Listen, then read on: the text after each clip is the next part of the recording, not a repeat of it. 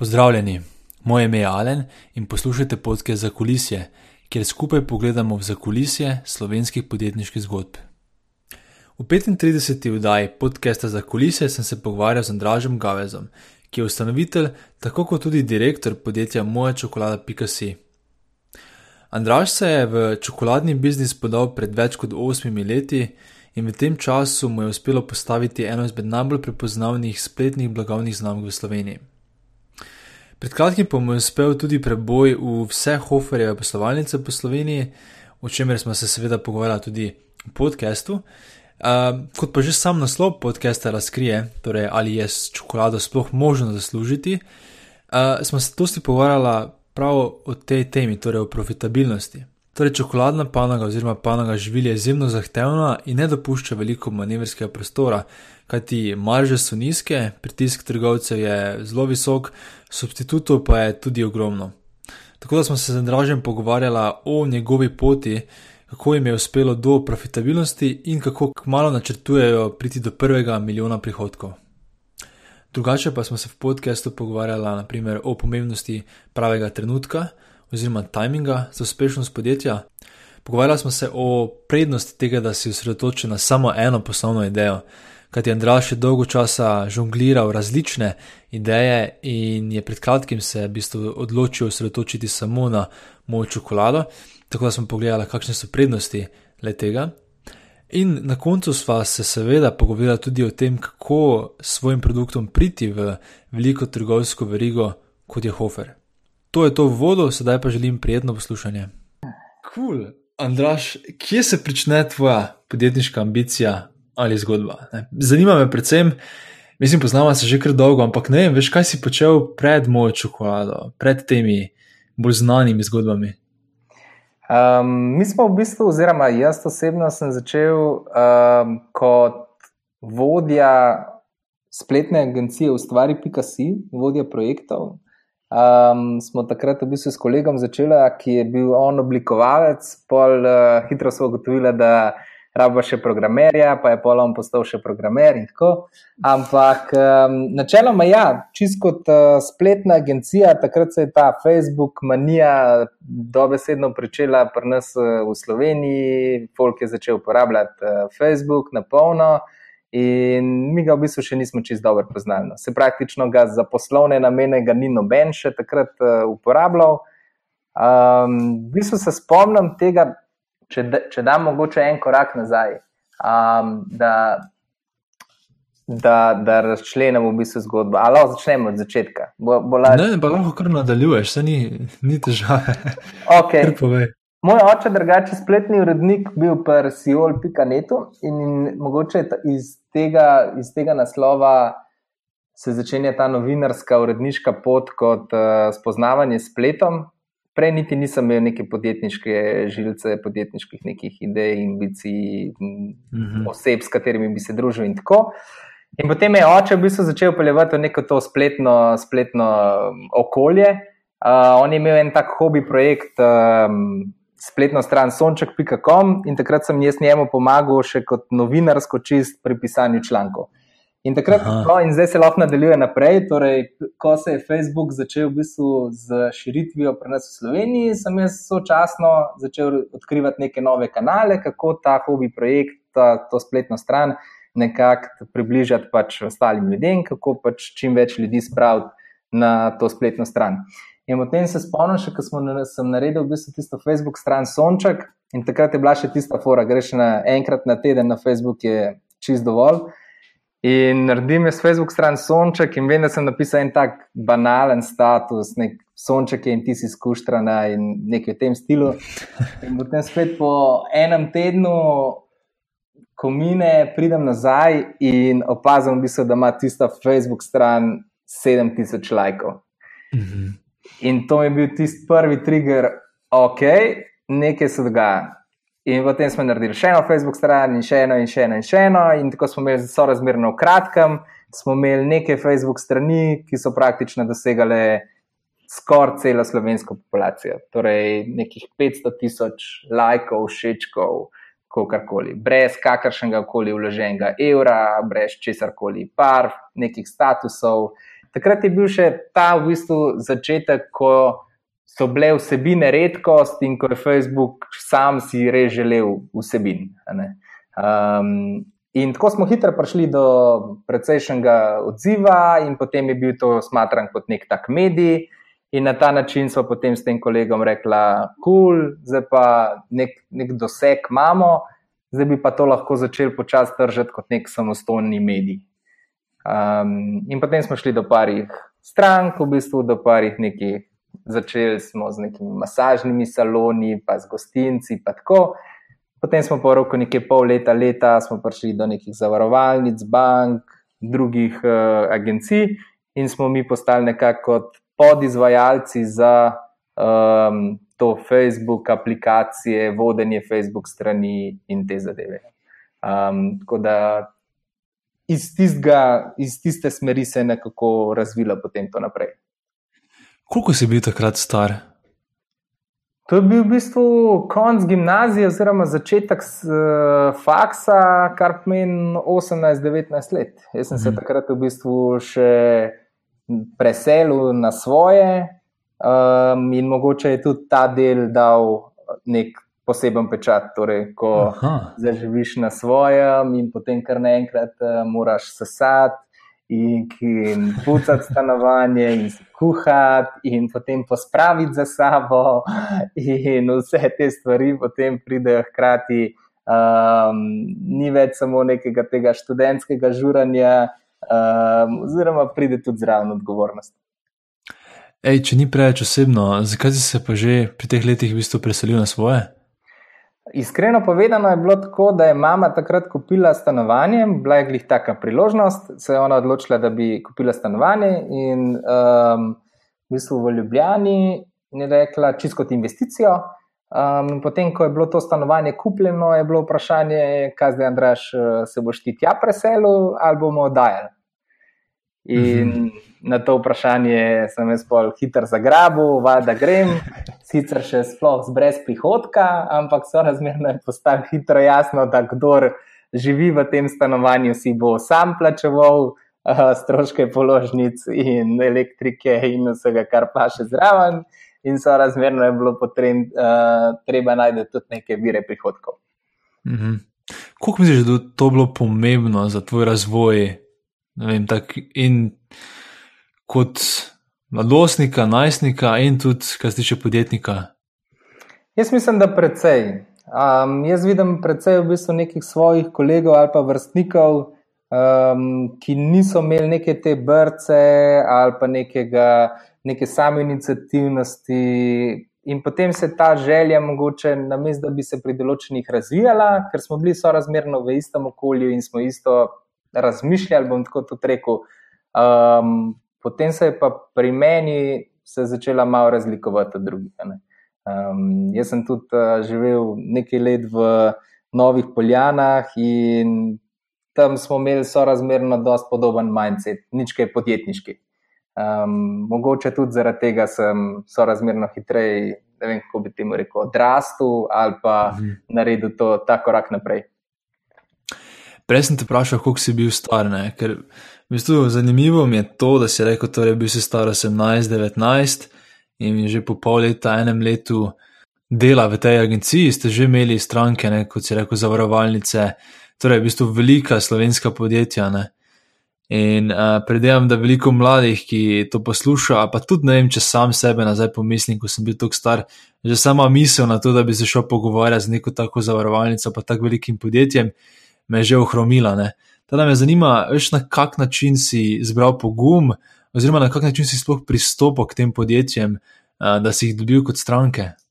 Pa meni v bistvu takrat, gledano, če zdaj malo nazaj, uh, zavrtim kolo ni bilo nič tako posebnega. V bistvu dejansko smo jahali val trenda. Um, Robert Farazina se spomnim enkrat, ki mi je rekel na, eno, na eni kavi, ko so se pogovarjali o tem, kaj se mu zdi, kaj se nama zdi za podjetništvo najbolj pomembno, in je povdarjal on moment časa, trenutka. Mm. In takrat mogoče še nisem čisto dobro razumel, ampak tako, ko zdaj malo pogledam nazaj, mu dam en tak velik prav um, ta moment, ta timing, kdaj, kaj zagnati, celotiti, lansirati, uh, se mi zdi ključni, ključnega pomena. Um, seveda, v predpostavki z dobro ekipo, z dobrim produktom in tako naprej, ampak timing je res en tak um, velik faktor pri, pri uspehu. In takrat, mogoče se res o tem nismo kaj veliko sprašvali, ker smo samo jahali nek ta trendovski val Facebooka in socialnih omrežij, ki je prihajal. Um, potem, kasneje, se je pa seveda pokazalo, da smo bili premalo izkušeni, da še nismo imeli dovolj stabilne ekipe in tako naprej. Ej, tu glede tajminga bi se fulorad malo dotaknil, ker se mi zdi zelo, zelo pomembno in tudi sam vedno bolj dojemam pomen tega tajminga. Da je razložim, mogoče na kak način ti vidiš, kaj je dober tajming za podjetništvo. Pa se jaz mislim, da ti s timingom nimaš problema, tako da podcast si v pravem času uh, zagnal. Ampak, um, ja, timing v bistvu gledam bolj na način tega, da znaš videti, kako se trg spremenja, oziroma tudi kako kupci dojemajo tvoj produkt oziroma tvoje storitve. Mar si koga, recimo, vidim a, in še zdaj, in vse po bitki, vedno je biti najlažji general, ampak Um, kako vidiš, kako določeni v bistvu trendsetterji niso potem tisti, tudi, ki požanjajo največji uspeh, ampak nek, nekakšen ta second follower um, je biti skoraj najlažje ali pa celo najbolj taktično smiselno. Uh, zakaj? Prvič, zato, ker odpirati trg je vedno najtežje, kupci ne poznajo, niti sam, sam ne poznaš trga dovolj dobro. Um, po drugi strani pa, ko, je, ko začutiš nek trend, ko vidiš, da nek trend gre v pravo smer ali pa v smer uh, puščice na vzgor, uh, potem je smiselno to čim prej zajahati. Ok, imaš kakšen konkreten primer? Ne vem, veš, kaj pomeni, da si second follower. Ker nekdo, ki posluša, veš, zelo enostavno je to poslušati, pa reči, a se jaz sem tudi second follower. Samo kako veš, da si dejansko ti ta res da imaš pravi timing, pa da si res pravim času začel, da je mogoče že kdo pri tabo pogorel. Veš, kako začutiš, da je res pravi čas? A imaš mogoče kak primer tudi? Mislim, primerov bolj iz spletnega področja je veliko. V zadnjem času je bil to recimo e-commerce, um, veliko se zdaj zadnje čase govori o VR-ju, pa o AI-ju, o Voice-u, da bo prišel. Um, to so neke mogoče te tehnološke rešitve, ki se počasi začenjajo odvijati, um, pa niso še čist med nami. Zdaj, nekdo, ki je v tej tehnologiji povsem noter, um, je lahko reče že, da ja, to bo pa naslednje leta spremenilo svet. Um, ali pa recimo konkreten case, kar se tiče električnih avtomobilov, um, ali pa elektrike tudi nasploh, kar se tiče uporabe neke um, pa zero waste in takih zadev. Torej, o tem, kar se zdaj nekako v medijih govori, um, ali pri nas, ali v Sloveniji, ali v tujini, um, pa ni še bilo neke večje uspešne zgodbe. Um, tukaj so mogoče neke take stvari, ki bi, ki bi znali biti, um, znali biti zanimive v prihodnosti. Zdaj, če prenesemo ta nauk timinga, mogoče kar na uh, mojo čokolado, torej, verjetno na idejo, ki jo skoraj da vsi poslušalci, oziroma podjetje, ki jo vsi poslušalci poznajo. Kako se ti zdi, da ste tam zadeli z, z, z timingom?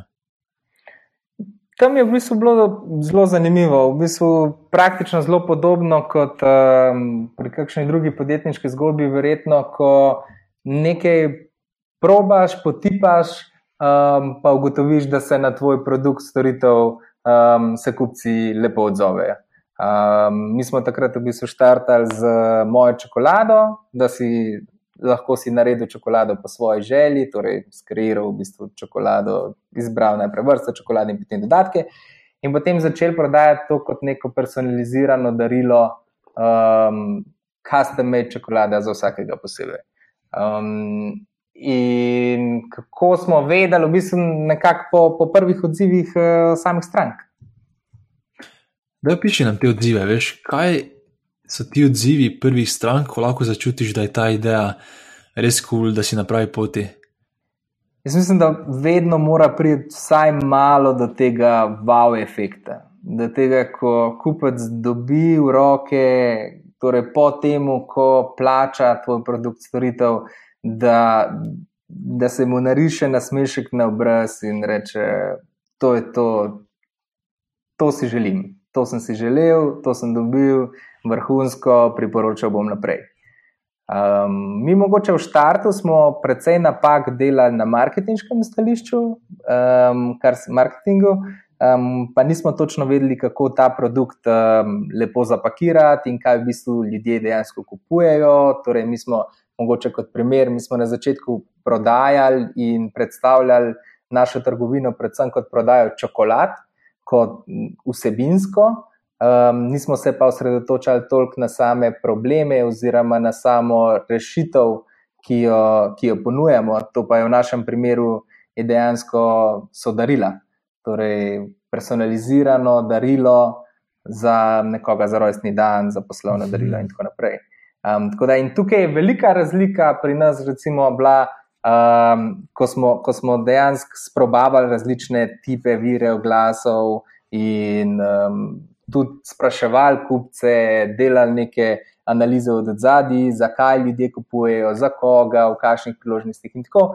In smo na koncu v bistvu res prišli do nekega zaključka, da mi ne prodajamo čokolade, ampak prodajamo darilo. Mm. Um, čokolada je v bistvu samo vsebinsko zapakirana kot najslajše, najlepše, najbolj primerno darilo za vsakogar. Ampak ja. v osnovi mi prodajamo darila. Ja, ja. Evo, vidiš, to je še druga tako zelo pomembna zadeva. Ne? Se mi zdi, da je dosti krat ta prva ideja na prvo žogo, ki jo imaš, ne, je tukaj tako naivna in enostavna. In komaj, ko začneš malo iti po površju ali pa v zakulisje, v bistvu vidiš tisto, vidiš, kaj je tisti glavni problem, ki ga rešuješ. Ne?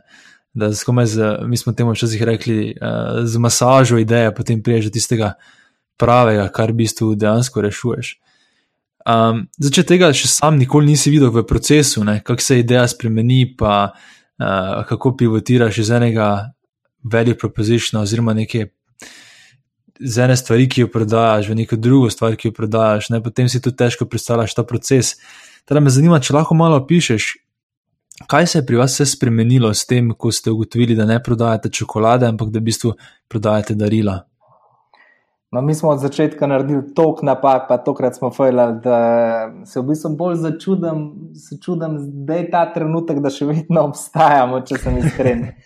Um, par primerov, mi smo v začetku, recimo sem stavil, da mi prodajamo nekemu klubu, kot je v tujini to popularno, recimo, ko imaš neke subskripcije in si ti zvest član nekemu društvu oziroma nekemu um, temu krogu ljudi. In sem si tako predstavljal, da bomo na ta način gradili tudi neko čokoholičarsko društvo, klub ljubiteljev mhm. čokolade pri nas. In da bomo na ta način lahko vzgajali to, uh, to kulturo.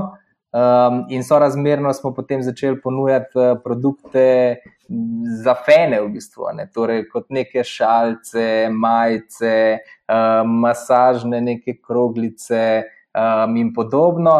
Glavno, vse, kar praktično je bilo delno povezano s čokolado, ne pa toliko z reševanjem samega problema, ne, ki ga so naše stranke v bistvu imele po večini. Um, In mogoče je bil spet nek ta moment um, testiranja ali pa vrtenja naokrog uh, večjih različnih idej in tako. In potem je, potem je tudi eden izmed teh ključnih trenutkov, se spomnim, ko, ko je nek tak uh, heureka moment, uh, ja. ko smo v bistvu potestirali. Mislim, heureka moment jaz težko rečem, zato ker je vedno to izhaja iz XY testov in preizkušanj in spraševanja strank.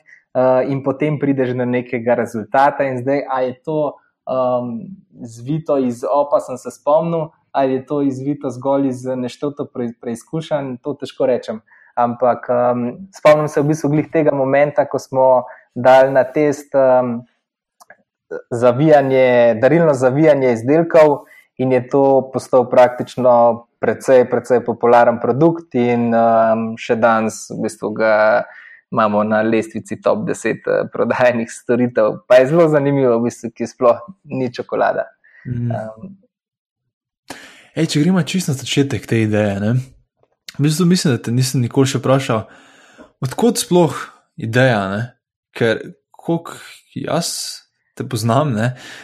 nisi ravno proizvajalec čokolade, oziroma nisi bil povezan s to panogo, preden si začel uh, to spletno stran. Ne? Ja, je res. Um, jaz sem čist spletni oziroma digitalni mojster. Um, in čokolade se v bistvu nisem kaj prav loteval uh, predhodno.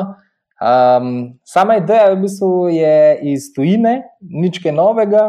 Um, spomnim se takrat, to je bilo 6-7 let nazaj, um, ko sem hotel kupiti darilo za enega kolega, um, in sem glih naletel na neko nemško spletno stran, um, kjer si si lahko naredil čokolado po svoji želji, torej praktično identičen kot te, kot smo ga potem kasneje skopirali pri nas. Um, kliknil, izbral, customiziral si, si svojo čokolado. Um, in jaz sem to tudi naredil, so čez, čez celoten proces, in potem se mi je na koncu zataknilo, ko te čokolade nisem mogel dobiti v Slovenijo. Mhm. In sem bil, ok, dobro, ni panike, gremo malo po slovenskih čokoladnicah pogledati. Meni se je to zdelo že takrat fantastično darilo in tako, wow, da lahko personaliziraš en pa en produkt, ker to je bilo zgolj ena čokolada, za ne zdaj spet neko pretirano ceno. In se mi zdi to tako fantastično, da nekaj takega rabimo, mislim, da, da si tega želimo v bistvu čisto darilo kolegu podariti. In potem sem presrčal cel splet in sem ugotovil, da čokoladnice, nekaj sem jih vseeno takrat že poznal, bolj po brendu, ne toliko po samih produktih, um, dejansko niso imele svojih spletnih strani. Um, torej, ta timing, o katerem smo rekli, je bil mogoče tak um, pravi, ali pa tako se mi je zasvetla malo lučka, da bomo iti korak dlje. Um, pa, če imamo toliko časa, ti povem še anekdoto naprej. Um, ko smo, ko smo recimo, sem preverjal potem hipotezo uh, tega dela, ali je to sploh dovolj zanimivo za trg, pa potem, ali je sploh iz drugega stališča to sploh možno proizvesti za slovenski trg in to prodajati uh, slovencem po nekakšnem istem principu. Uh, se spomnim, ko sem šel na sestanke praktično z vsemi čokoladnicami iz cele Slovenije in bližnje blizu iz tujine. In so me vsi zavrnili, da v stilu, da je slovenski trg premehen, da internet ni zanimiv, da čokolado moraš videti, povonja, to kuša, da to sploh ne gre prek interneta. In ko sem bil že čisto, no, ja, ok, očitno pač tukaj noben ne razume na tem prostoru, kaj, kako bo internet pač spremenil svet. Uh, se spomnim zadnjega sestanka, ki je bil tako z direktorjem Rustike, z Janjem, s katerim še vedno super sodelujemo in še vedno delajo naše moje čokolade. In sem se tako usedel in je bil tudi on tako skeptičen. In se spomnim, da sem rekel: tako, Le, Jani, jaz bom iskren, tako, ti si moj zadnji sestanek in tako, vsi so me zavrnili. Eni so še celo rekli, da ja, lahko delamo z vami, sam čez sezono, po zimi, ki imamo pa mi veliko dela je takrat vam pa ne moremo tega nuditi. Mislim, da je tako, ja, ok, kaj polet, ko se ne, bom, ne bomo prodali nobene čokolade, pa bomo lahko prodajali stvari, takrat pa po zimi, ki bi pa kdo dejansko hotel kakšno čokolado kupiti, takrat pa mi ne bomo mogli. In sem Jan je to vse povedal in sem rekel, lej, zdaj pa, če ti verjameš v nas, v mene, v bistvu takrat sem bila še vedno s tem kolegom, lej, jaz bom naredil vse, kar je v moji moči, to in to samo predstavil idejo. Če verjameš, gremo skupaj, bomo delali še naprej. In takrat je rekel, da ti bo, sicer se mi ideja zdi tako, tako ampak jaz verjamem vate. In ja, pol smo se razmerno hitro sklenili del in smo začeli delati. Um, potem Ej. pa spet te začetne težave v stilu. Takrat so bili še tisti začetki naših spletnih trgovin, ko smo še sami mogli določene produkte in kupiti, in pofotografirati, in vsebino, in komplet, komplet da, da smo to sploh spravili v neko primerno obliko, in tako naprej. Ampak, ja. Mhm. Kakšen je bil dogovor z temi prvimi, rečemo, vašimi dobavitelji, oziroma prvim dobaviteljem? Ne? A ste mogli kupiti vnaprej čokolado, uh, ali ste lahko vzeli, um, ali ste potem vsako naročilo posebej, ki ste ga dobili, njim poslali? Veš, kako je ta cel dogovor izgledal, kako je ta cela veriga vrednostna izgledala na začetku? To je bil najslabši del možen. Mislim, tudi z ostalimi čokoladnicami ali pa z ostalimi dobavitelji. Um, pogajalske v bistvu izhodišča so bila na ničli, mi nismo imeli nekih kupcev od zadaj, mi nismo imeli brenda postavljenega, ki bi na podlagi česar koli bi se lahko pogajali. Um, noben ni praktično verjel tudi v nas, mislim, tisto za res verjel v stilu, da bi nam bil pripravljen tudi kaj investirati ali pa pomagati ali pa tako. Um, vsi tisti, ki so že nekako preslonili roko, je bilo bolj v stilu, ja, ok, mi produkte imamo, vi ste pa pač za nas navadna trgovina, um, pa še z slabšimi nabavnimi pogoji vse.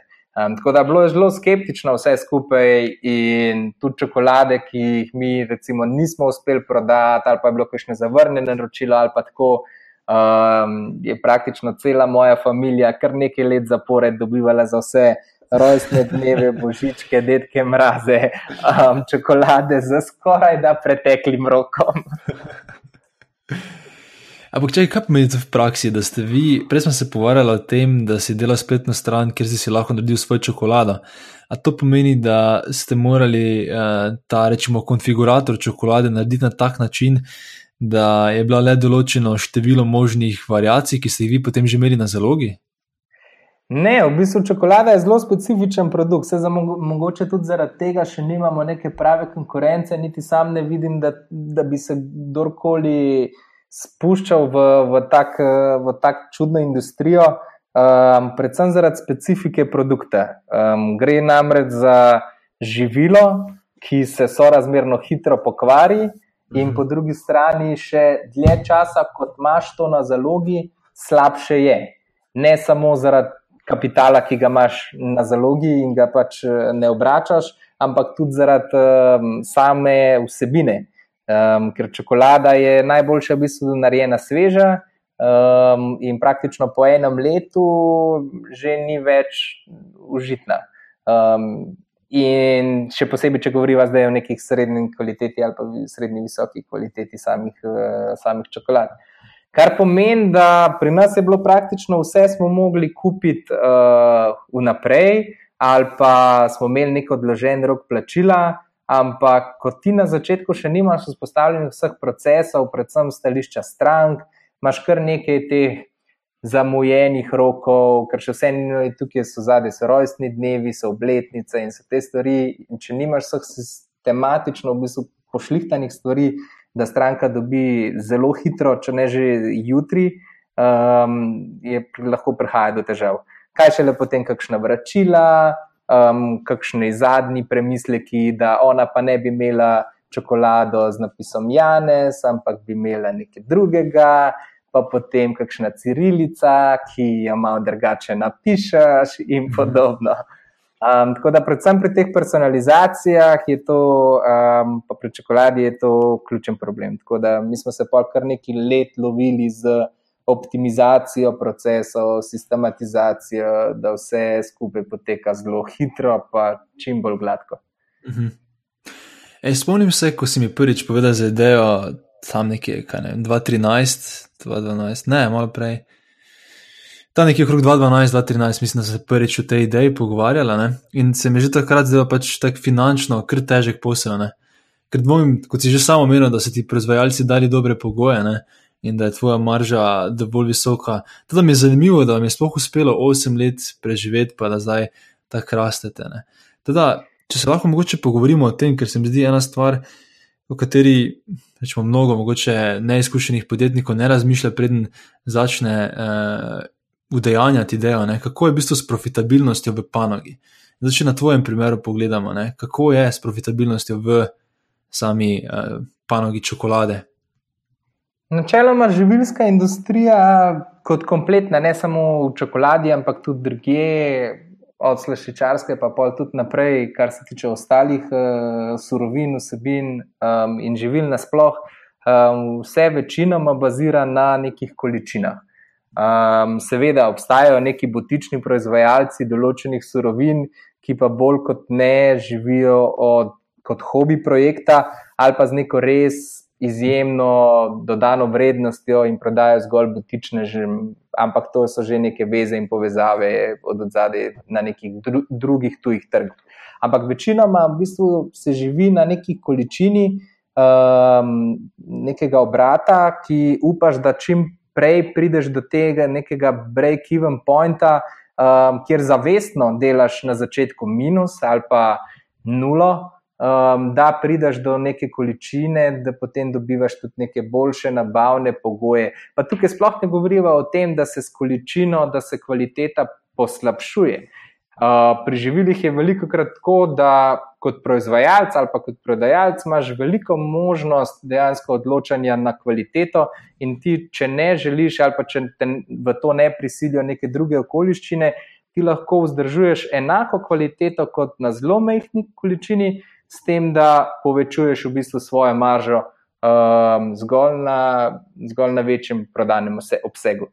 Um, tako da, ja, mi smo si vedno želeli pač priti na samo v bistvu nekako ustrajati uh, in priti končno do neke točke vzdržene, kjer bomo dobili neke količine, kjer bomo dobili neke stranke, da bodo one zadovoljne, da bodo priporočile naprej in da bo to šlo naprej.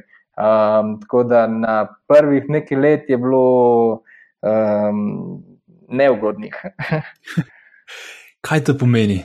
To pomeni, da mi dva smo v bistvu začela na kvadraturi 8 kvadratnih metrov, um, kjer smo vse skupaj pacali skupaj. Še se spomnim iz tistega stanovanja v devetem nadstropju, kar pomeni, da so dobavitelji prihajali um, iz pritličja v deveto nadstropje, pa še to praktično dal po eno čokolado ali pa po dve čokoladi smo kupovali takrat.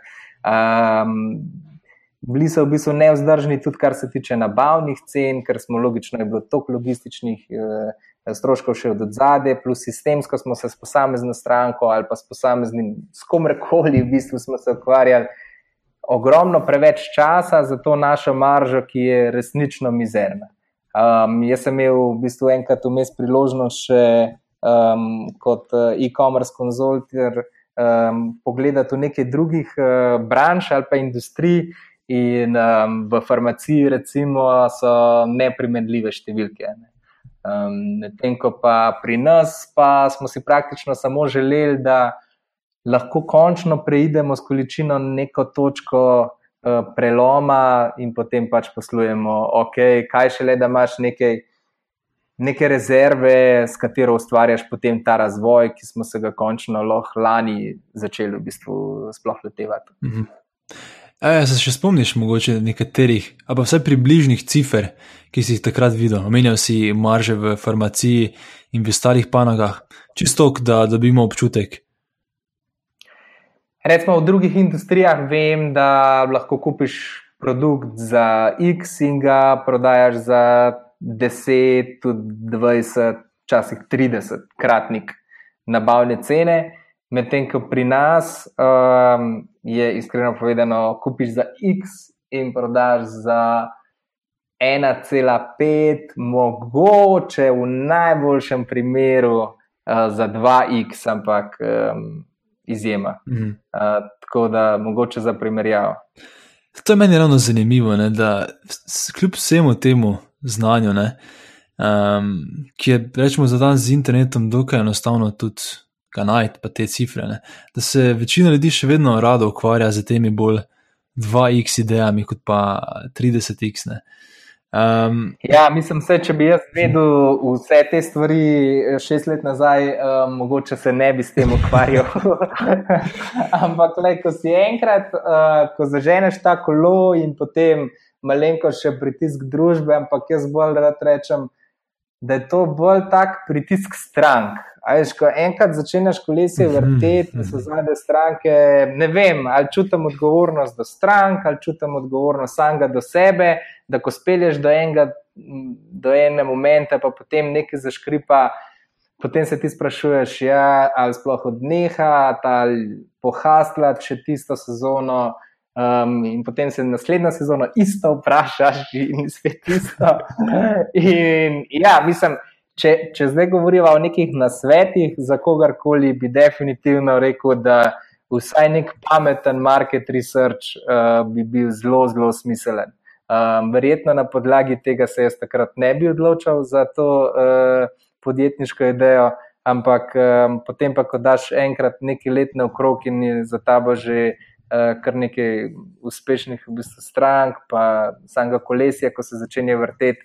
Um, in če se to vrti tako na uspešni bazi, um, pol, mogoče tudi malo še čustvene upletenosti. Mm -hmm.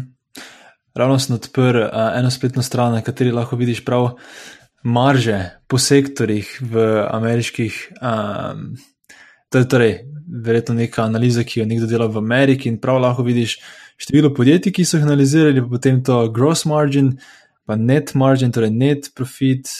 In dejansko lahko tukaj zelo enostavno pogledaš in primerjaš te industrije. Tudi vsak, ki je še v tej fazi, da se odloča glede idej, zelo toplo priporočam, da pogleda eh, te cifre.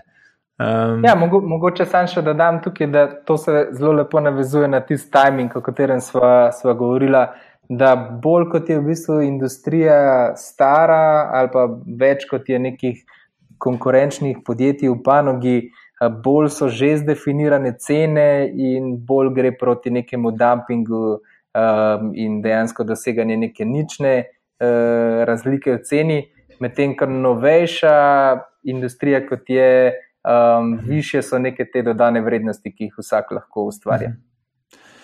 Ej, rad bi samo navezal na tvoj odgovor na prejšnje vprašanje, ker mislim, da smo se takla ene zelo zanimive teme, o kateri smo diskutirali. Mislim, da pred dobrim letom. In sicer, kot si samo omenil, ne, si se vsako leto znova spraševal, ali naj še nadaljujem, ali je to res tista prava ideja. Ne? In to se tudi vidi malo v tvojem LinkedIn-u, naprimer, če gre kdo pogledat, pa vidiš, koliko stvari različnih si delal. Ne? Pa če enostavno si se je prav videl, da si poskušal različne stvari. Spomnim se pa, da eno leto nazaj tak nekje, no, popravi me, če narobe, ampak si se odločil, ok, ne, zdaj sem pa popolnoma predan moji čokoladi. Kaj se je zgodilo takrat? Ja, res je. Mislim, jaz sem vmes v tem času zamenjal kar nekaj služb ali pa pomagal kar nekim podjetjem na, na temo e-commerce še nekako eh, zraven. En del zaradi sezone, zato ker eh, je tak čokoladni biznis zelo sezonski, kar pomeni, da nekje pol leta od jeseni pa po zimi imamo precej dela, uh, potem pa čez poletje kar nekako ugasne. Um, jaz sem imam pa tako vedno tako ene take sršene uriti, pa sem težko v primeru. Um, in se zapol čez poletje vedno spraševal, kaj pa bom zdaj. Biznisa čokoladnega razvijati v tistem obdobju se mi ni zdelo smiselno. Eno leto sem celo uh, probal spremeniti trg in spremeniti razmišljanje, da bi tudi poleti začeli ljudje kaj razmišljati o čokoladi, ampak um, to je debata za drugič. Um, ampak ja, nač načeloma pa potem kar nekaj industrij in branž videl še, še druge. Um, pa sem si pa enostavno rekel, mislim, da je bilo to res leto pa pol nazaj, dve sezoni nazaj, um, da nekaj moram zdaj s tem narediti. Ali ugasnem, ali s haslam, pa da zadeva vsaj toliko pije vodo, uh, da imamo neko ok ekipco v strani, ki zadeve fure naprej. Um, tako da sem, sem si prav se spomnil, ker sem se dve leti nazaj rekel, tale sezona je zdaj prelomna. Če bo zlaufalo, super, če ne bo, pa super izkušnja, gremo na neki drugega. Kaj si takrat spremenil? Jaz mislim, da ni bilo drugega kot sam fokus dejansko s tem mindsetom vse ali nič. Um, ko, ko pač ugotoviš, da vedno sem imel prej, recimo v nekih prejšnjih sezonah, sem imel vedno pripravljen nek backup plan. Ja, pa se v bistvu mi še ni treba čist dobro te čokoladne, se itak imam še en kup drugih strank, sej lahko še vedno, ko sem kot konzultar in tako. In vedno sem se nekako znašel z nekih drugih, uh, nekimi drugimi oblikami prihodkov. Um, potem sem si pa enostavno enkrat rekel, da se je lušten delati mogoče za druge, ampak jaz sem še vseeno nekako ta podjetnik po duši in um, sem si želel v bistvu res svojo zgodbo speljati. Ali bo to čokolada ali karkoli drugega, sem si rekel, eno sezono dan še čokoladi, pa bom probo narediti maksimalno, kar lahko. In če mi uspe vrhunsko, če mi pa ne, pa se bom resnično lotil česa drugega. Tako da, jaz, če me zdaj vprašaš, res na odgovor, v bistvu tisto tvoje prvo vprašanje je predvsem mindset in enostavno fokus. Kaj se je zgodilo potem v tem prelomnem poletju za mojo čokolado? Ne vem, kako bi temu rekel, ampak kot da bi bile, ne vem, zvezde poravnane, energija v pravo smer, um, mogoče to, da sem delal 14 ur na dan, vsak dan um, in samo na enem projektu. Um, naenkrat se ti v bistvu potem začnejo porajati en kup nekih idej, rešitev na probleme ali pa na zadeve, ki, ki, si, ki sem jih začel dojemati kot problem ali pa kot izziv. Torej, dejansko sem videl, kje so stranke resnično imele problem, opaziti sem začel, kje lahko izboljšamo te procese. Začeli smo se bolj v bistvu z našim glavnim problemom ukvarjati, torej z maržo in profitabilnostjo, in smo začeli v bistvu razvijati uh, lastne produkte, tako kot smo, imamo zdaj precej dobro prodajen produkt čokoladna Slovenija. Uh, in to je bila potem neka taka izpeljava, da s tem fokusom pa se je kar začel samo od sebe. No? Uh -huh. In kako pa zgleda profitabilnost na tem lastnem produktu? ko imaš ti enkrat svoj produkt, ko, ko imaš ti za sabo nek svoj brand, um, lahko temu produktu tudi sam določiš prodajno ceno. Um, seveda, mora vedno cena upravičevati kvaliteto in produkt kot uh, celoto, ampak um, je popolnoma nekaj drugega. Ali ti preprodajaš neki izdelek, kljub temu, da je izdelek lahko super, ali pa ga izdelaš sam, kjer ti lahko tudi določaš vhodne surovine, kar pomeni, da ti lahko variraš v bistvu od nekega drugega dobavitelja, ki je v resnici boljši, pa cenejši. Um, pa na koncu koncu tudi določ, določevanje te neke prodajne cene, um, ki jo v drugih produktih večkrat ne moreš. Mm -hmm. Kaj se tu pogovarjamo? Torej, da si iz tega, da si ima 1,5 do 2x, da lahko zdaj postaviš tudi 5, 6x ali več ali manj? Tako. Tako, ja, za, za enkrat smo na 5x, um, mislim pa, da bomo v roku dveh let uh, prišli mogoče celo na 10x. Uh -huh. uh, ampak spet težko nekako um, industrijo spreminjaš, lahko se edino prilagodiš uh, sami industriji kot celote. In recimo v našem primeru je to, da povečamo količine, gremo na druge, druge trge um, in gremo v bistvu bolj pri živilu se zelo pozna pri tem, da kje v, v kater delček v tej celotni verigi si. Mi smo bili prej vedno kot izključno kot prodajalec, tistim, v bistvu nekako malo prodaja. Um, dve leti nazaj smo se začeli v bistvu ukvarjati z vele prodajo, to je to v bistvu en korak nazaj, um, pa potem še za samo proizvodno produktov oziroma razvoja produktov.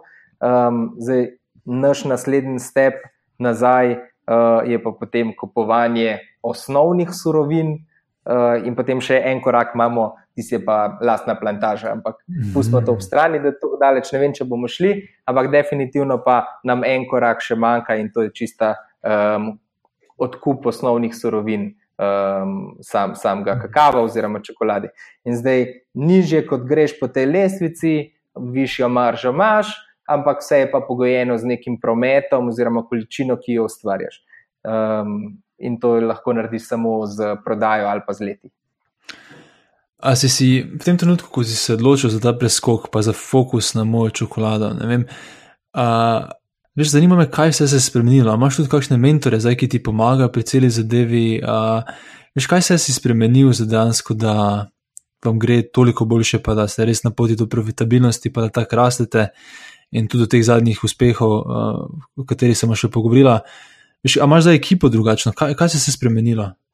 Mislim, ja, zdaj, zdaj imam ekipo drugačno, ampak to, mogoče, to je potem posledica, mislim, drugačno, povečano, bom rekel. Um, ampak, um, če, če pogledam, mogoče takrat vključen moment, ko smo začeli rasti ali pa ko smo začeli pre, spreminjati um, naše poslovanje na predvsej boljše. Uh, bom rekel, da predvsem ta del, da sem začel razumevati stranke kot celoto.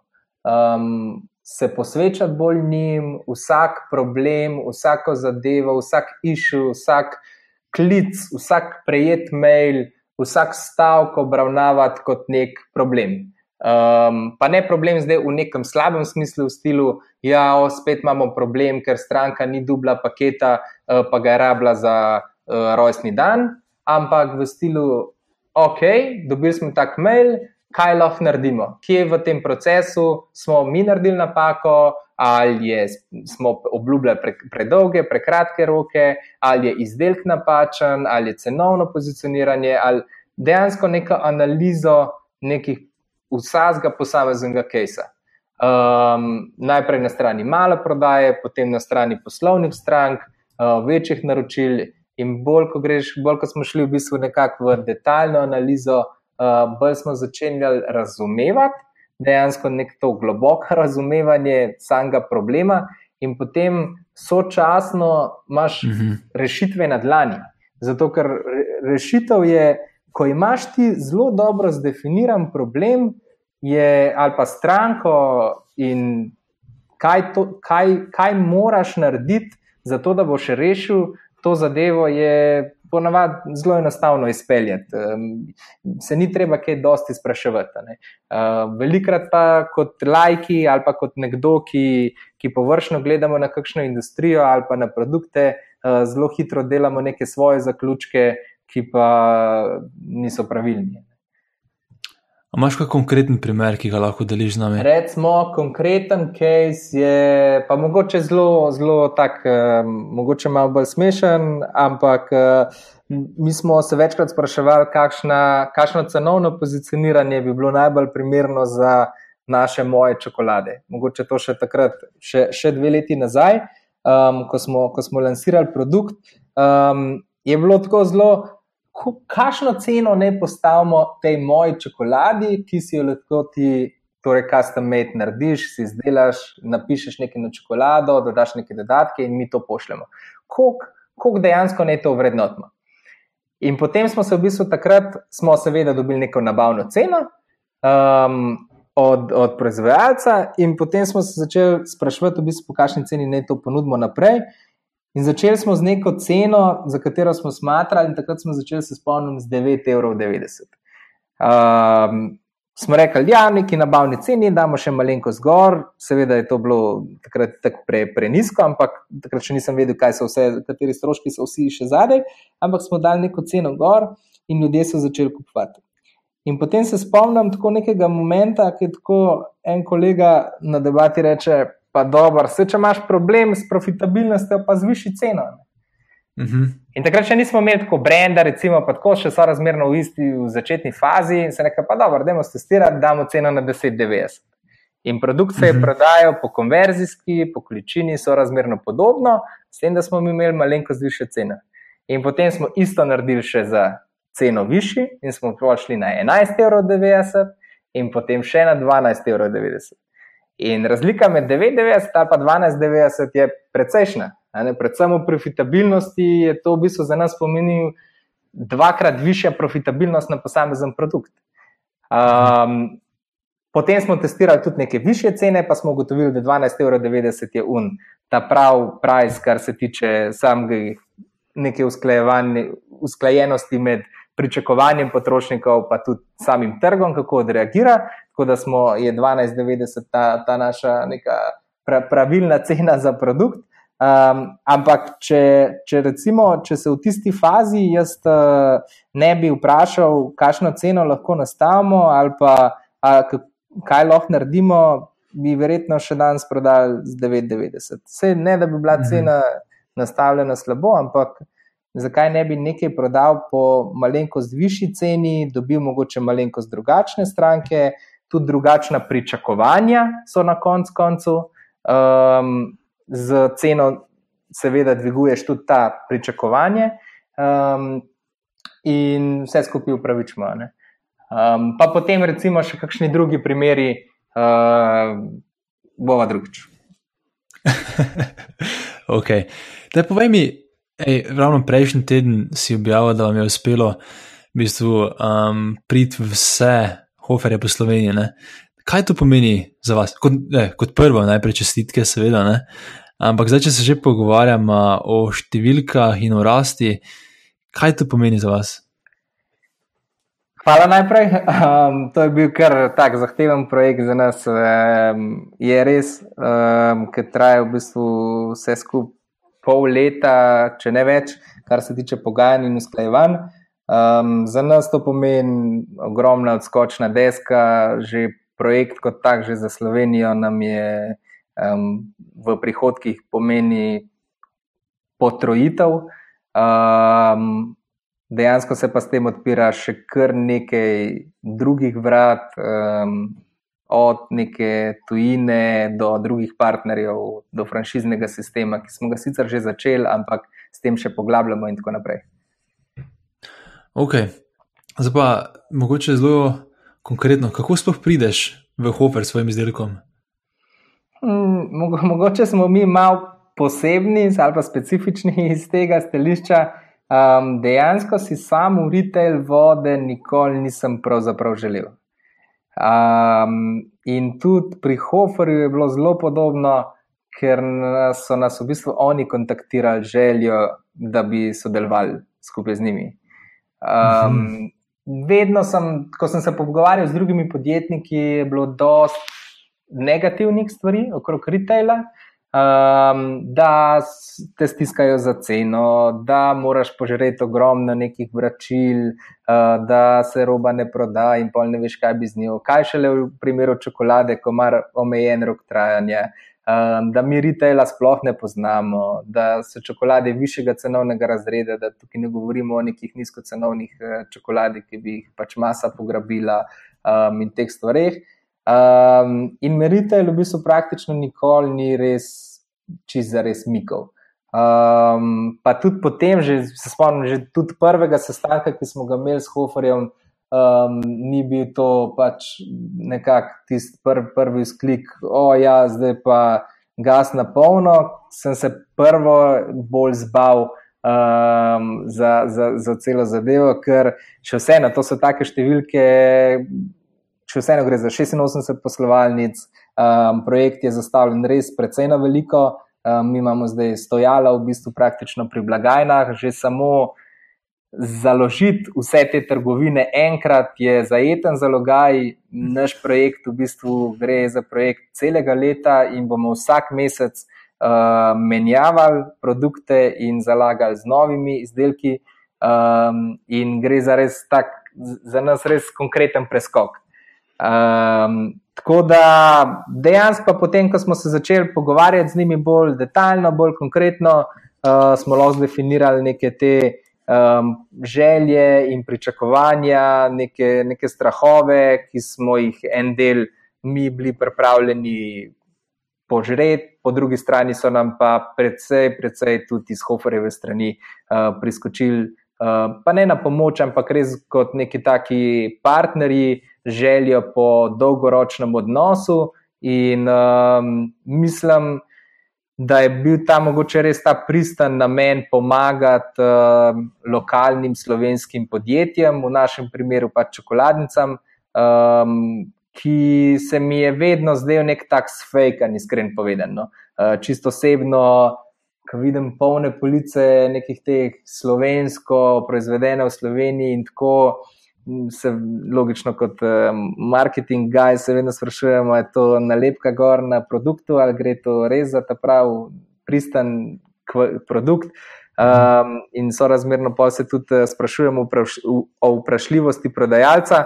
Um, zato sem se res na, na Hoferjev, na Hoferjevo prvo pobudo, sem bil sam na začetku zelo, zelo skeptičen, um, ampak dlje časa, kot smo se pogovarjali, bolj smo videli, da so te nameni iskreni. Um, je pa mogoče še, še malo prehitro, da rečem, koliko je ta projekt res uspešen in koliko ne, ker smo ravno v soboto zapolnili prve police.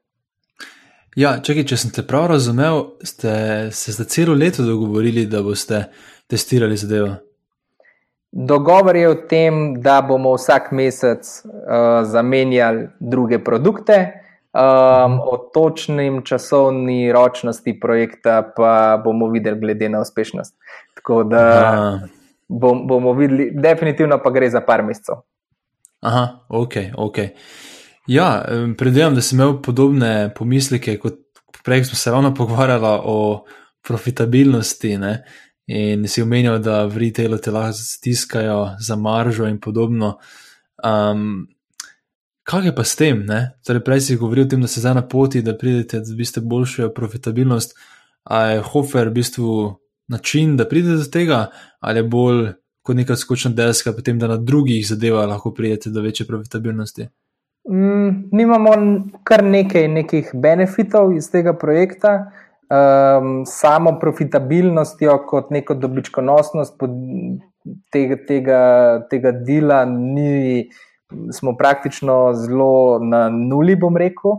Um, bolj si obetamo um, nekih drugih um, usporednih. Uh, virov ali pa nekih benefitov. Um, primer, recimo, kot smo prej rekli, same količine, z, več, z, več, z večjo mhm. količino prodajnih kanalov in z večjo količino samih izdelkov, potem logično padejo nabavne cene naših produktov. Hkrati pa povečujemo v bistvu profitabilnost nekih naših kanalov, ki jih imamo, um, in drugi benefiti, potem, kot uh, čisto usporedno, ko narediš enkrat to zgodbo, uh, ali pa ko začenjaš, uh, dejansko vidiš pač ustroj celotni in se je sorazmerno lažje pogovarjati ali pa sploh razmišljati o neki podobni zgodbi ali pa kakšni malo drugačni ali kje drugje um, ali kako drugače. Um, pa zdaj sploh ne namigujem, niti nimamo najmanjše želje, da bomo pa zdaj isti pro, pro, projekt speljali v Šparu ali pa v Merkatorju. Uh, ampak um, bolj na način odpiranja tujih trgov, um, pa bolj na način dojemanja um, neke masovne, masovne količine, ob predpostavki z isto kvaliteto. Andraž, vidim, da si zelo odprt, kar se tiče številk. Teda bom probal še nekaj druga te vprašati. In če ne želiš deliti, če stvar odločitev. Ampak me zanima, kako se je vaš prihodek in profit razvijal skozi leta in kako kaže za letos. Ja, mi smo zelo sezonski, um, tako da težko govorim po mesecih, ampak načeloma po letni osnovi smo nekje rastli z 20 do 30 odstotkov rastjo vsako leto, kar je za večja podjetja to en fantastičen rezultat, za manjša podjetja pa precej slabše. Um, jaz sem bil načeloma zadovoljen, lani smo sicer prišli na 230 tisoč evrov prihodkov.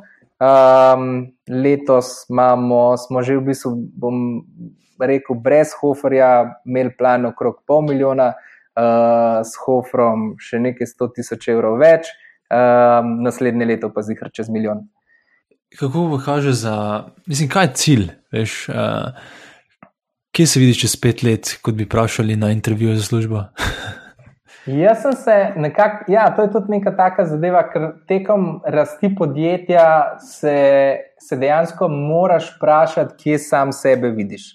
Uh, mogoče na začetku si tako, tak deklica za vse, pa počneš praktično res dobesedno vse. Um, ampak tekom te širitve, pa dejansko neke večje količine uh, strank in produktov, uh, pa zaposlenih, uh, potem se začneš tudi sam sebe spraševati, kje je tvoja najvišja dodana vrednost, oziroma predvsem, kaj res najraje počneš. Um, in pri sebi sem ugotovil, da si v bistvu tudi v prihodnosti želim predvsem razvoja novih produktov, um, novih storitev in predvsem nekega trendsetorskega, um, dejansko biznis razvoja firme in produktne in z kakšne drugega stališča. Um, torej, sam sebe ne vidim tako izrazito v vlogi um, direktorja um, na nek daljši časovni rok, uh, tako da po vsej verjetnosti v roku dveh, treh let ali pa še celo prej, prej si bom zaželel predati uh, direktorsko mesto naprej, pa ne toliko zato, ker si želim.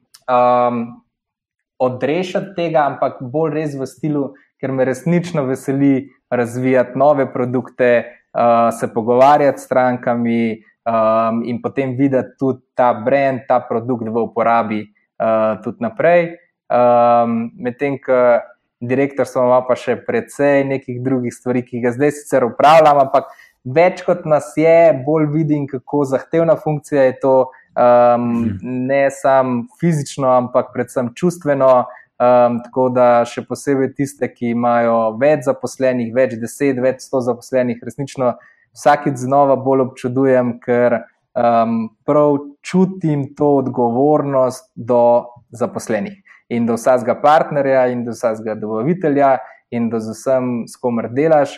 In um, za sebe ne vem, če bom zmogel uh, ta pritisk par sto uh, ljudi, ki ti vsak po eni strani si nekaj želi od tebe, uh, po drugi strani pa metanje kakšnih polen ali kaj takega, ampak bolj v stilu res tega. Um, čustveno zelo izčrpljujoče, se mi zdi, že pri zdajšnjem obsegu dela, um, kaj še le, če bi imeli 20 zaposlenih. Jaz sem rekel, da moj limit je nekako tok, da bomo lahko vsi sedeli za isto mizo, um, pa mehko mizo v stilu 6 do 8 ljudi, um, ko nas bo pa več, bom pa raj, um, koga drugega najde. Mhm. Koliko vas je trenutno? Trenutno smo štirje, iščemo še enega, pravkar v tem mhm. momentu. Tako da je mogoče, če lahko ta leser promo pomaga za, za kogarkoli, ki se vidi v vsebinsko-marketinških vodah za razširjanje naše blagovne znamke um, v Sloveniji, na Hrvaškem um, in še v kakšni drugi državi, um, vljudno vabljen, da se nam javi. Mhm. Prej si omenjal, da imaš ogromno idej in da bi raje ostalo pri razvoju produktov in podobno. Ta eno vprašanje, ki ga rad na koncu vprašam gosta, je, če imajo kakšne ideje, ki bi jih delili s poslušalci. Veš karkoli, kar ti sam nimaš časa, zdaj, ker si fokusira na mojo čokolado, ne, da bi kdo drug mogoče naredil. Mm, v bistvu bi mogel malo razmisliti, ampak čist ideja iz glave. Um, lahko mogoče, če je kdo uh, dovolj hustler, to spelje že v tem tednu ali dveh. Mi imamo ogromno, kot čokolada, uh, čokolada, moja čokolada, imamo ogromno povpraševanj. In spomnim se, ko je tega že bilo v preteklosti kar nekaj, pa se do zdaj še točno tega projekta noben ni spravil uh, skup vrst, je v bistvu združevanje slaščičarn in prodaja tort sorazmerno podobno kot čokolado, s tem, da gre bolj za segment nekih porok in poslovnih daril, um, kjer je precej velik trg um, prodaje v bistvu samim slaščičarjem in drugim. Zakaj to govorim? Je zato, ker smo glih dan zdubli spet eno povpraševanje um, ko se je ena firma obrnila na nas, da si želi 80 tort na različne lokacije, iz različnih slaščičarn. In uh, če bi nekdo vse skupaj sistemsko to povezal, um, te slaščičarne, dostavo tort in na ta način v bistvu bolj digitaliziral prodajo tort, mislim, da bi to znal biti uh, precej uspešno. Andraš, imaš mogoče v lasti moja torta, pika si? Um, bila je enkrat ideja, enih deset let nazaj, ampak mislim, da ni bilo. Okay. Pa naslednje vprašanje, ne? kaj so tebi osebno najljubše um, knjige, a pa neke drugi viri, iz katerih se učiš o podjetništvu? Večkrat sem videl, da na Facebooku deliš slike knjig, ki si jih prebral, um, teda mogoče lahko deliš vem, najljubši dve, tri, pa če imaš še kakšne druge vire. Mm, Vira, v bistvu, iskreno povedano, zadnje čase se veliko poslužujem samih podkastov. Uh, tako da tvoj podcast mi je fantastičen, to veš že od samega štarta. Um, in, in resnično podpiram tudi, če kakšno inicijativo um, koga drugega, ki bi se podcastov lotil, še vseeno tukaj mislim, da je že samo za slovenski trg uh, še kar dovolj velik potencial. Um, tako da, definitivno tvoj podcast. Um, sicer pa, recimo, mogoče kar se tiče knjig, um, ne preberem prav veliko knjig, tam nekje okrog dve na mesec. Um, tako da velikih zdaj le trenutno nimam v glavi, ker sem čist v pripravah na našo čokoladno sezono. Uh, se pa spomnim ene, um, in to je knjiga Sapiens. Um, ta knjiga mi je res uh, tako vrhunska um, in še, še vedno jo večkrat vzamem v bistvu uh, v, v roke. Ali imaš kakšen poseben proces, kako zbereš uh, knjigo, ki jo boš prebral? Veš praviš, da dve na mesec prebereš. Ali se nekako pozanimaš v njih, ali je to uh, nek nasvet od kolega, ali kako drugače. Ja, v bistvu jaz imam zelo selekcioniran nek tak podjetniški krok um, nekih ostalih ljudi, um, ki se ukvarjajo s podobno dejavnostjo ali pa imajo zelo podoben mindset um, in so razmerno dejansko vedno, ko iščem neke nove knjige ali pa ko, ko pridem do konca svoje, svoje police um, objavim na Facebooku, da, da si želim novega čtiva in prosim za kakšne priporočila. Um, drugače pa uporabljam um, Book Depository in tam je pač opcija, kar se tiče wishliste. In si jih sorazmerno, sem kar pridem pri tem, da ko karkoli takega vidim, zanimivega, um, da si jih shranjujem v višliste, in potem na vsake pol leta uh, pokupam tam enih 20-30 knjig, in jih potem uh, beremo. Okay. Tako, ja. Je, kot veš, včasih rad tudi vprašam, kakšen svet bi dal sam sebi pri 25 letih, ampak glede na to, da je to leto pri tebi dokaj blizu trenutnega leta, ne, bom te mogoče vprašal, raje, kakšen svet bi dal sam sebi pri 20 letu. Težko povem. Zdaj, če pogledam malo nazaj, mogoče celo bi se lotil kaj drugega. Um, da ti hranim vse te skrbi in vsa ta leta, ker um, iskreno povedano, za res učiti. Sem se sem, zares naučil o podjetništvu, sem se na začetku, ko je bila stvar sorazmerna nova, um, pa zares dobro se učim in izobražujem šele zdaj v zadnjih dveh letih. Torej, ko je neka rast, ko, ko je veliko stvari, nekaj novih. Um, vmes sem imel pa res ene dve, tri leta tako obdobje um, čizga nekega tazga suffer haslanja, samo da projekt pride do, do neke točke. Um, tako da mogoče celo, da bi prej ta fokus uh, dal v čokolado ali pa v katerkoli uh, podjetniški projekt in, um, in bi v bistvu ohranil boljši fokus. No. Ampak tega je kar dosti, se mi zdi, ko smo se že prej pogovarjali med mladimi podjetniki, ne, da na začetku enostavno imaš full ideje. Ne. Zdaj, a je to res dober na svet? Ne vem, sprašujem tudi sam sebe, ker po eni strani razumem prednosti fokusa, po drugi strani pa dvomim, da če bi mi nekdo to povedal pred 20 leti, veš, da bi ga poslušal. A si imel mogoče kako situacijo, koga, ki je prišel k tej po nasvet in si ga znal prepričati, da naj se fokusira? Mogoče ne toliko, da rečeš v splošnem ali pa v grobem smislu kot fokus, kot tak, ampak marsikdo je recimo prišel do mene v stilu, jaz si pa želim odpreti spletno trgovino, imamo to pa to, hej, koliko je to simpel in tako, mi bi se tega že kar lotili, ali pa mi smo se že kar malo lotili, pa imamo en kup težav. Um, in pol pri teh takih um, podvigih, ki vam je rekel, kar ljudje skočijo nekam ali pa ki vidijo nek ta, ali pa tudi sam pri sebi, ki vidim, da je kakšen ta new shiny object, uh, ki me kar zgrab, ja, to pa trend, to pa zanimiv, uh, gremo v to.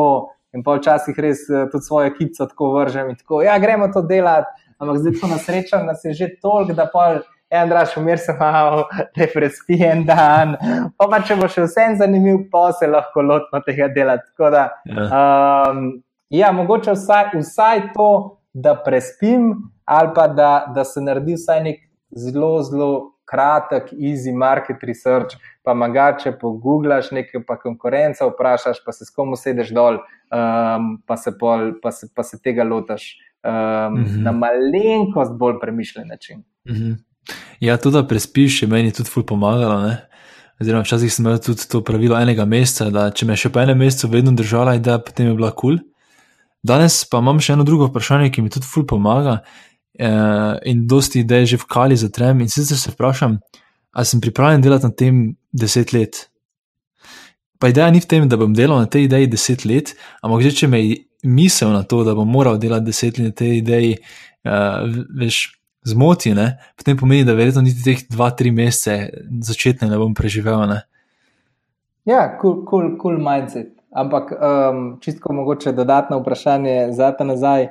Um, kako pa potem gledaš na neke trendovske zadeve ali pa na neke tehnološke stvari, kjer se zadeve sorazmerno hitro spremenjajo v roku dveh let, recimo, ko se industrija čist šifta? Ja, ful zanimivo vprašanje. Vem, prebral sem to knjigo, uh, ki, se, ki se reče um, Perennial Seller, ne? tad Ryana Holidaya in ful govori o tem, oziroma analizirajo produkte, ki se boljše prodajajo čez 20 let, kot so se na začetku. Ne? In njegova teza je, da v bistvu se ful splača fokusirati na neke zadeve, ki se ne bojo spremenile. In zdaj, če pogledamo te, predvsem tehnološke trende, ne, je dosti takih zadev, ko res je težko predvideti, katero smer bo šel ta tehnološki trend in če se ti ima sploh smisel z njim ukvarjati. Seveda, če te zanima, druga zadeva. Ne. Ampak zdaj, če čisto poslovno razmišljaš, a ja, naj skočim v blockchain samo zaradi tega, ker bi denar naredil, ne, ali naj skočim v VR samo zaradi tega, ker bi denar naredil. Potem mislim, da je bolje se fokusirati na neke ideje ali pa neke skillse, ki bo tebi karjerno dlje pomagali nekako v življenju. Teda, če bi mogel na kratko povedati, se prvo raje fokusirati na neke potrebe, ki mislim, da bojo okrog, oziroma da bojo ostale ne, še naslednjih deset let, kot pa na samo tehnologijo, ki je, po mojem mnenju, ponovadi rešitev, kot pa sama težava. Ma smisel? Ma smisel. ok, zdaj pa še zadnje vprašanje za tebe, Andraš. In sicer, kje te poslušalci lahko najdejo na spletu, oziroma kje lahko mojo čokolado uh, najdejo, in potem, kje mogoče lahko tudi poslušalci stopijo v stik s tabo, če imajo kakšno vprašanje. Načeloma sem sorazmerno odprt glede teh stvari, tako da moje čokolade lahko najdejo na vseh kanalih, spletna stran Facebook, Instagram, YouTube in tako naprej. Uh, mene osebno pa na LinkedIn-u, Facebooku ali pa na mailu andraz.afnamojacokolada.si. Za najbolj zauzete pa lahko tudi telefonsko delim nič 4 nič 317 191. Odlično. Ej, najlepša hvala, Andraš. Hvala tebi, pa ustvarjaj tok, da best vrhunske podcaste še naprej. Tako, to je vse v današnji epizodi. Če ti podcast za kulise všeč, te vabim, da se prijaviš na mailing listu na zakulisi.com, da boš obveščen ob objavi naslednje epizode. A ja, pa hvala vsem, ki ste oddali ocene in komentarje na iTunesu. Za tiste, ki pa še tega niste naredili, vas vabim, da mi tako pomagate razširiti besedo o tem projektu, saj z vsako oceno in komentarjem iTunes boljše nagira podcast in ga potem lahko odkriješ več ljudi. Projekt lahko tudi finančno podprete, Trenutno sem ravno v procesu nakupa boljše audio opreme, da lahko zagotovim še boljši zvok in s tem izkušnjo za vas, poslušalce, da oprema ni poceni, tako da vsaka pomoč prav pride. Da to storite, torej da me podprete, lahko greste na paypal.me, pošiljnica naprej za kulisje, torej paypal.me, pošiljnica za kulisje. Hvala še enkrat in se slišimo v kratkem.